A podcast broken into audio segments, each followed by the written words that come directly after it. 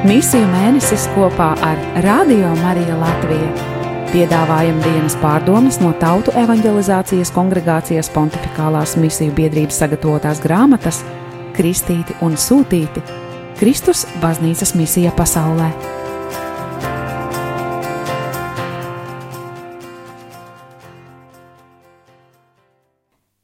Divdesmit sestais oktobris, Sestdiena, Parastā liturģiskā laika 29. nedēļa.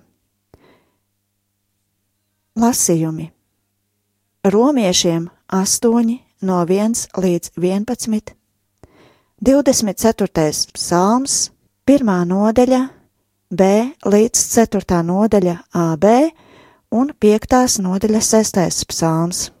Lūkas evaņģēlijas 13 no 1 līdz 9.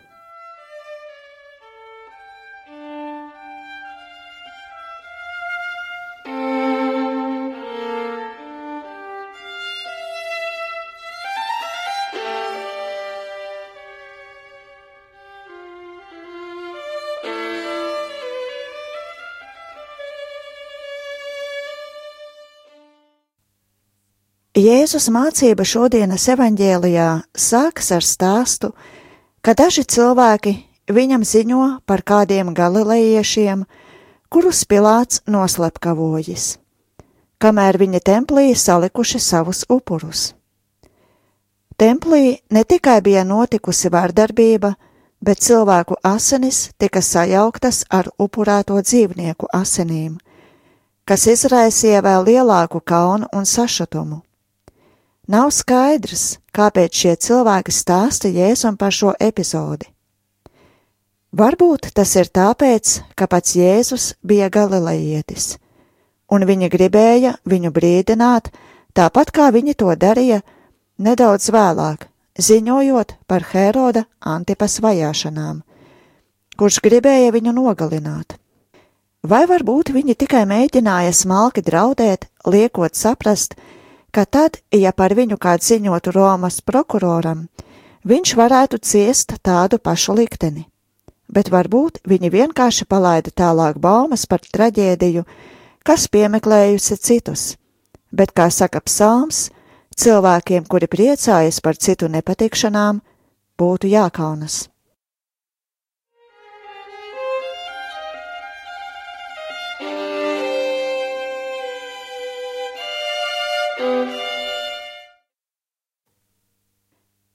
Bet Jēzus atbilde liek domāt par kaut ko daudz nopietnāku.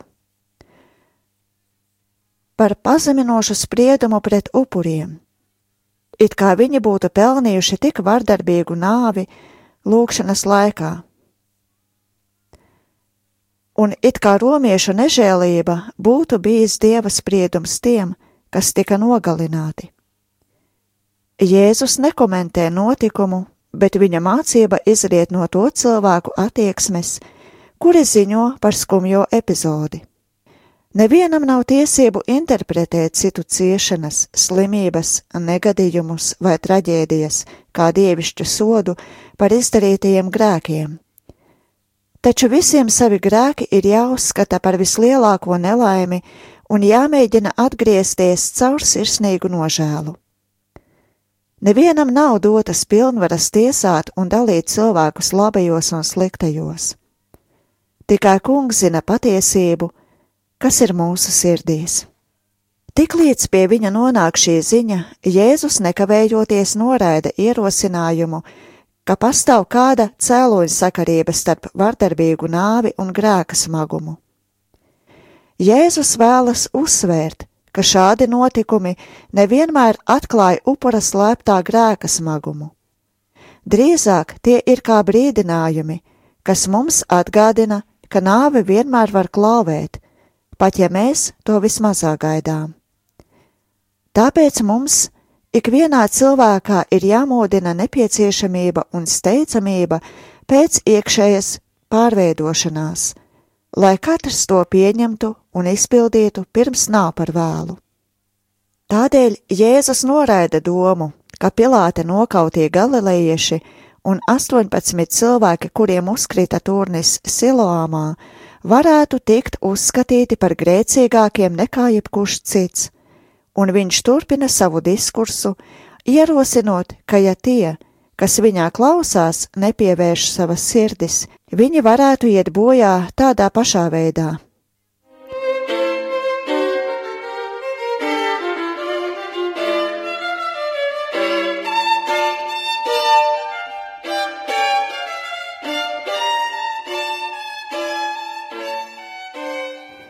Viņiem vajadzētu atgriezties nevis tāpēc, ka viņu grēku nožēla pasargātu viņus no nāves, bet drīzāk tāpēc, ka atgriešanās viņiem dotu labu garīgo un cilvēcisko pamatu satikt dzīvības kungu patiesi un ar mieru sirdī. Nāve, no kuras mūs atbrīvo atgriešanās, ir mūžīgā, nevis fiziskā nāve. Dieva tēls, kas balstās uz domu, ka vardarbīga nāve atklāja, ka upuris ir nopietni grēkojis, neatbilst Dieva tēva tēlam, ko atklāja Jēzus. Tas nav Dievs, kurš atriebies grēciniekiem.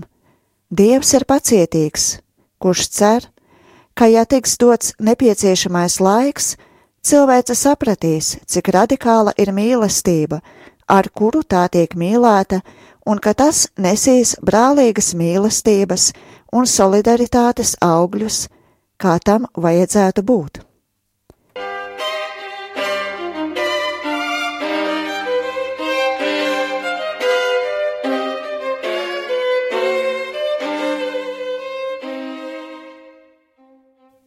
Jebkurā gadījumā šī ir perspektīva un teoloģisks aspekts, ko piedāvā līdzība par zemes īpašnieku, viņa vīģes koku un dārznieku.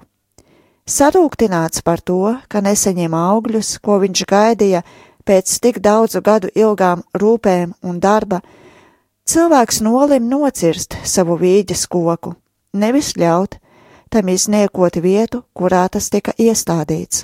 Bet saimniekam par pārsteigumu viņa dārznieks iejaucas – lūdzot dot vīģes kokam vēl nedaudz laika, pietiekami daudz, lai redzētu, vai tam vajadzētu palīdzēt zemes apstrāde un bagātīgāks mēslojums.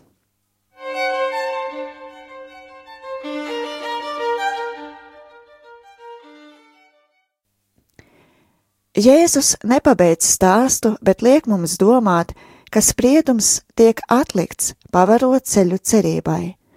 Ja mēs ieraugam sevi attēlotus vīģes koka tēlā, labā ziņa ir tā, ka mūsu dzīves laiks, ko mums ir devis visumā pavēlnieks, dod mums iespēju ļauties dievišķā žēlastības darbam, lai tas mūsos nestu miera, prieka, taisnīguma un mīlestības augļus. Tā ir dāvana, sava veida otrā iespēja, kas atstāja maz vietas priekš kļūdīšanās.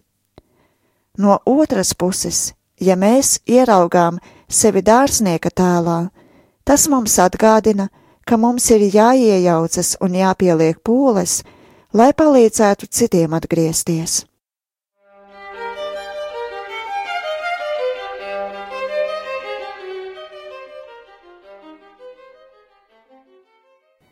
Kā ekleziālai kopienai tas ir pats par sevi saprotams, ka mēs esam aicināti uz divkāršām saistībām.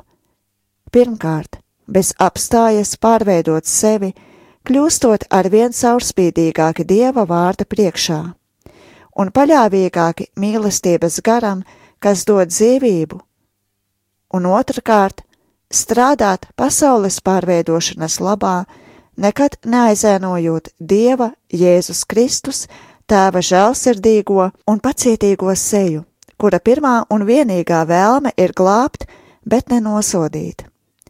Pieredze rāda, ka sirdis reaģē dāsnāk, kad tām tiek izrādīta uzticēšanās.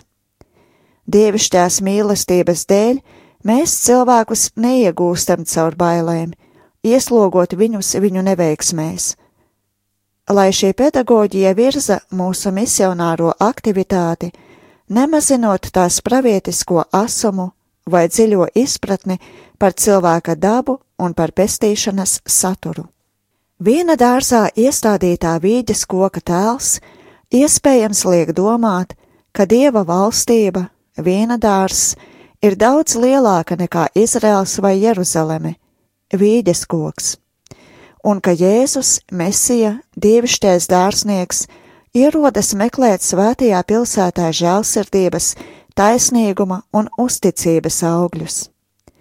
Šie ir augļi, kas patīk dievam, augļi, kurus sagaida augļu dārza saimnieks, bet laiks iztek, un tiek pieņemts lēmums nocirst vīģes koku, jo šie augļi netiek atrasti.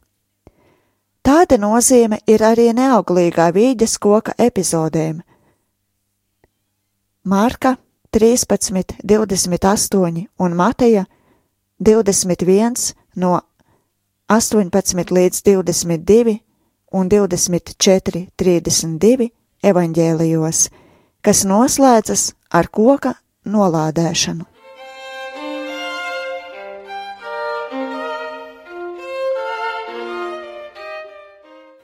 Bet pārsteidzoši, ka līdzībā, ko atstāsta Lūka, tas ir dārsnieks, kurš iejaucas, lūdzot iepašnieku būt pacietīgākam pret savu vīģes koku, tas ir apžēloties par Jeruzalemi.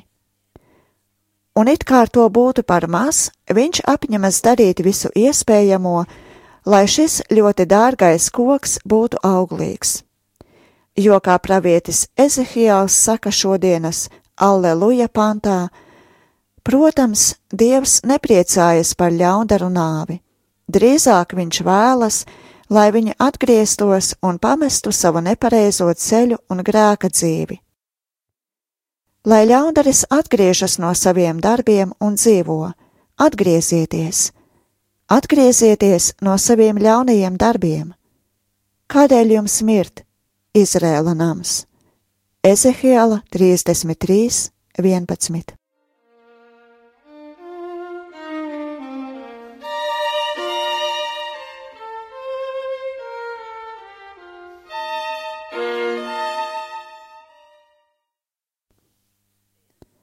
Diemžēl ielūgums uz atgriešanos netika pieņemts, brīdinājumi netika sadzirdēti, ziemas nebija saprotamas, un labvēlības laiks netika pieņemts.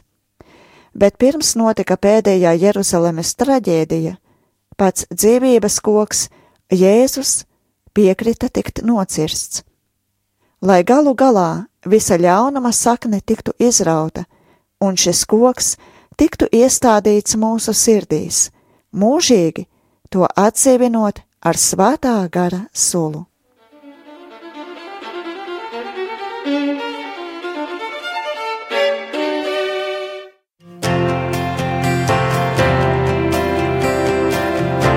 Dzirdējāt dienas pārdomas no Tautu evanģelizācijas kongregācijas pontificālās misiju biedrības sagatavotās grāmatas Kristīti un Sūtīti Kristus baznīcas misija pasaulē.